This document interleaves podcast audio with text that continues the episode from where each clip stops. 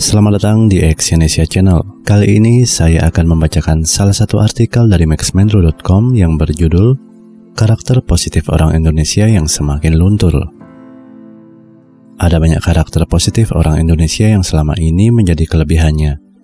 Sayangnya, belakangan ini saya melihat cukup banyak orang Indonesia yang sudah mulai kehilangan karakter positif itu, atau setidaknya mulai berkurang karena pengaruh dari luar. Sebenarnya semua ras di dunia ini punya kelebihan dan kekurangan masing-masing, khususnya orang Indonesia. Indonesia terdiri dari berbagai suku dan kepercayaan, sehingga banyak sekali karakter positif yang sebenarnya melekat pada orang-orang kita sejak dulu. Melalui artikel ini, saya ingin mengingatkan kembali beberapa karakter positif orang Indonesia yang menjadi kelebihannya sejak dulu. Yang pertama adalah orang Indonesia itu religius. Sejak dulu, orang Indonesia dikenal dengan sikap dan perilaku yang patuh terhadap ajaran agama yang mereka anut. Dan rata-rata orang Indonesia di zaman dulu sangat toleran terhadap pelaksana ibadah agama lain. Dan selalu hidup berdampingan dengan rukun antara sesama pemeluk agama yang berbeda. Saat ini saya melihat karakter positif orang Indonesia yang satu ini sudah semakin samar. Memang semakin banyak orang yang terlihat religius, tapi lebih kepada rasa fanatisme terhadap agama saja. Dalam hal pelaksanaan ajaran agama, kita justru mengalami kemunduran. Yang kedua, orang Indonesia itu jujur. Bapak saya pernah bercerita bahwa orang-orang di zamannya, dia adalah generasi terbaik dan paling jujur dalam hampir segala hal. Saya sempat mendebat hal itu karena tidak bisa dibuktikan dan tidak bisa jadi tolak ukur dengan orang-orang zaman sekarang, karena sudah beda zaman. Namun melihat fakta bahwa aksi korupsi di Indonesia tidak ada habis-habisnya, mungkin pernyataan bapak saya ada benarnya juga, walaupun tidak sepenuhnya akurat karena tidak ada bukti empirisnya. Saat ini, kejujuran sudah menjadi sesuatu yang sangat mahal harganya. Tapi bagi sebagian orang dianggap tidak berharga. Kalau emas dianggap berharga oleh semua orang dan harganya semakin mahal, bagi sebagian orang, kejujuran di zaman now itu tidak berarti dan bisa dibeli dengan harga diskon. Yang ketiga, orang Indonesia punya sikap toleransi. Poin ini sangat berhubungan dengan poin pertama, kaitannya dengan agama. Dulu pada umumnya orang Indonesia terkenal punya sikap dan tindakan yang menghargai perbedaan agama, suku, etnis, pendapat, sikap, dan tindakan orang lain yang berbeda dengan dirinya. Sekarang sikap toleransi dan menghargai perbedaan ini terlihat semakin memudar. Jangankan berbeda agama dan suku, berbeda pendapat dan pandangan politik saja bisa menjadi pertengkaran sengit di masyarakat. Yang keempat, orang Indonesia itu disiplin. Mungkin Anda merasa aneh dengan poin ini. Apa iya orang Indonesia itu disiplin? Dalam hal kedisiplinan, sebaiknya kita jangan membandingkan orang Indonesia zaman sekarang dengan orang Indonesia zaman dulu pasti beda jauh. Dulu, pada umumnya orang Indonesia bertindak dan berperilaku tertib dan patuh pada berbagai ketentuan dan peraturan. Zaman now, jangankan tertib pada peraturan, membuang sampah saja masih sembarangan. Yang kelima, orang Indonesia itu pekerja keras. Orang zaman dulu harus berupaya sungguh-sungguh dalam menghadapi dan mengatasi hambatan hidup Walaupun tidak banyak yang bisa menjadi orang terkaya di Indonesia, tapi semua orang sukses di zaman now adalah hasil tempahan dan kerja keras di zaman old. Walaupun saat ini masih banyak orang Indonesia memiliki karakter pekerja keras, tapi yang paling menonjol saya lihat di masyarakat adalah orang-orang yang mudah mengeluh dan suka berdemo.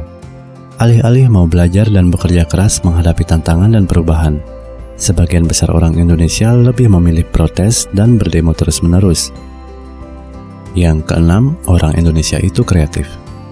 Banyak orang Indonesia yang punya daya cipta dan gagasan yang luar biasa. Itulah sebabnya kita bisa melihat berbagai perubahan di negara tercinta ini, baik itu ke arah yang baik maupun ke arah yang tidak baik.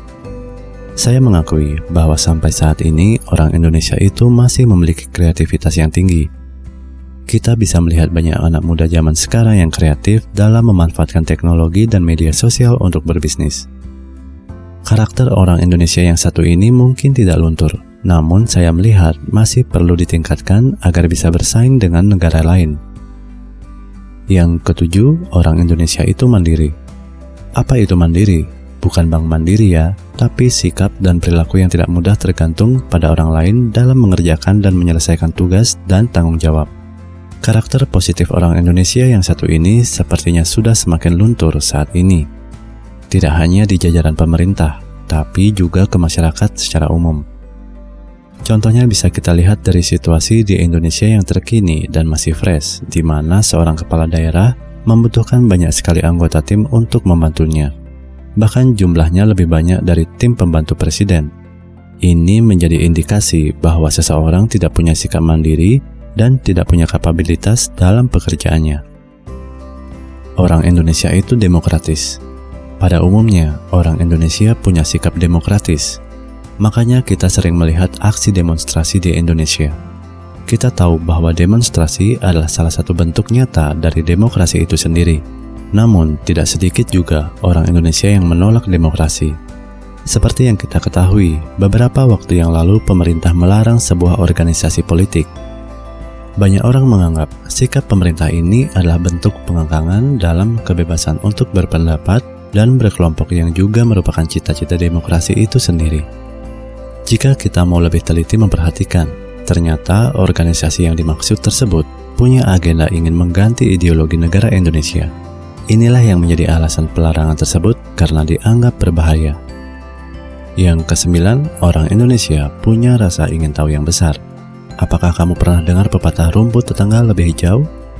Ini salah satu bukti bahwa orang Indonesia itu terkenal dengan rasa ingin tahunya, atau istilah kerennya kepo mari kita melihat sisi positif dari kepo.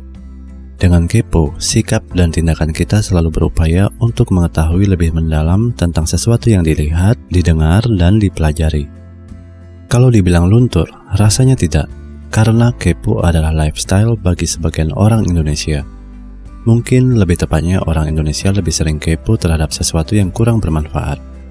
Misalnya kepo tentang gaji teman, kepo urusan rumah tangga orang lain, dan kepo lainnya. Yang ke-10, orang Indonesia itu punya semangat kebangsaan. Apa itu semangat kebangsaan? Semangat kebangsaan adalah cara berpikir, bertindak, dan berwawasan yang menempatkan kepentingan bangsa dan negara di atas kepentingan diri dan kelompoknya. Kalau kita mau jujur pada diri sendiri, semangat kebangsaan pada diri orang-orang Indonesia saat ini sudah semakin luntur. Tak terhitung lagi banyaknya tindakan radikal di Indonesia karena mementingkan keinginan diri sendiri dan kelompok. Yang ke-11, orang Indonesia itu cinta tanah air. Apa pengertian cinta tanah air?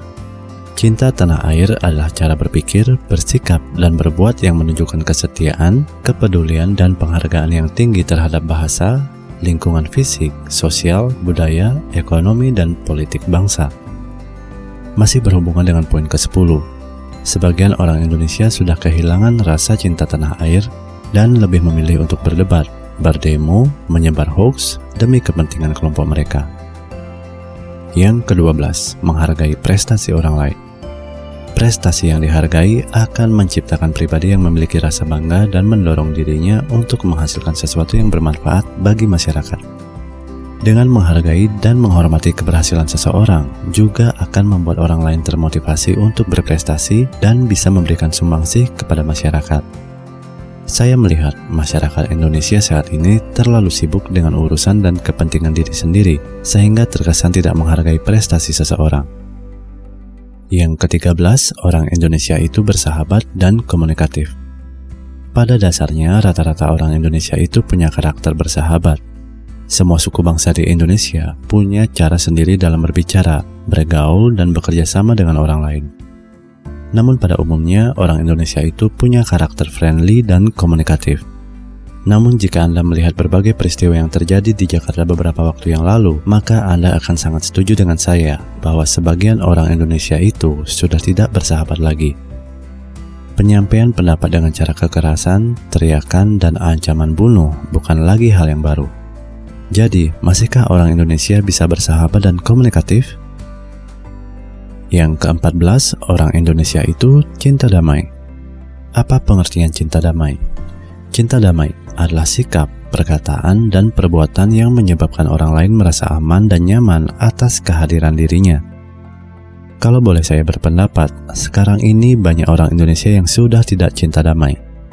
Menurut saya, cinta damai itu tidak hanya diucapkan dengan lantang, tapi juga harus dilakukan dengan tindakan nyata, walaupun dengan tindakan kecil. Saya bertanya pada Anda, jika ada orang yang bernyanyi dan berteriak, bunuh, bunuh, bunuh si Dodol, bunuh si Dodol sekarang juga, apakah itu tanda bahwa mereka cinta damai? Jawab dalam hati saja. Yang kelima belas, orang Indonesia itu gemar membaca. Anda pasti pernah mendengar pepatah, buku adalah jendela dunia.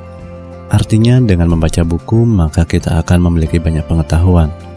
Dengan membaca berbagai bacaan, hal ini akan memberikan kebajikan pada diri sendiri. Dengan membaca berbagai bacaan, hal ini akan memberikan kebajikan pada diri seseorang. Apakah Anda suka membaca buku atau artikel di berbagai situs online? Rata-rata orang Indonesia memang suka membaca, tapi sebagian orang hanya membaca saja tanpa berpikir dengan nalar yang baik. Saya tidak heran kenapa banyak orang Indonesia yang sangat mudah percaya hoax. Mereka bisa membaca tulisan dengan baik, tapi tidak bisa menggunakan nalarnya sebagaimana mestinya. Yang ke-16, orang Indonesia itu peduli lingkungan. Apa pengertian peduli lingkungan? Peduli lingkungan adalah sikap dan tindakan yang selalu berupaya mencegah kerusakan pada lingkungan alam di sekitarnya dan mengembangkan upaya-upaya untuk memperbaiki kerusakan alam yang sudah terjadi. Menurut saya, orang Indonesia belum bisa dibilang masyarakat yang peduli lingkungan selama para pendaki gunung masih membuang sampah sembarangan, selama masyarakat masih buang sampah di sungai, selama masih ada pembakaran hutan, selama masih ada pabrik yang buang limbah di sungai dan lainnya. Yang ke-17, orang Indonesia itu peduli sosial. Apa pengertian peduli sosial? Peduli sosial adalah sikap dan tindakan yang selalu ingin memberikan bantuan kepada orang lain dan masyarakat yang membutuhkan. Peduli sosial itu tidak hanya di dalam negeri saja, tapi juga peduli pada masyarakat dunia yang mengalami kesusahan.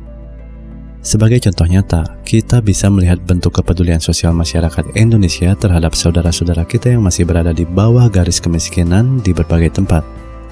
Bantuan kepada masyarakat yang terkena bencana alam di wilayah lain juga merupakan bentuk kepedulian sosial melalui tindakan nyata. Kita juga bisa melihat sikap peduli sosial yang dilakukan oleh masyarakat Indonesia dengan memberikan dukungan dan bantuan kepada negara lain, misalnya Palestina dan Rohingya yang mengalami kesusahan. Jadi, pada dasarnya karakter positif orang Indonesia yang satu ini masih sangat terlihat hingga saat ini. 18. Orang Indonesia itu bertanggung jawab. Apa itu bertanggung jawab? Bertanggung jawab adalah sikap dan perilaku seseorang dalam melaksanakan tugas dan kewajibannya yang seharusnya dilakukan terhadap diri sendiri, masyarakat, lingkungan, negara, dan Tuhan Yang Maha Esa. Karakter positif orang Indonesia yang satu ini rasanya hanya dimiliki sebagian orang saja. Masyarakat kita sangat sulit melakukan tanggung jawab meski untuk hal-hal yang sepele. Misalnya membuang sampah pada tempatnya, tidak merokok di tempat umum, dan lainnya. Padahal tanggung jawab untuk hal-hal kecil tersebut bisa memberikan dampak yang besar. Terima kasih telah mendengarkan audio artikel ini dan silakan cek link di bawah untuk membaca artikel yang saya bacakan ini di maxmenlu.com. Salam sukses.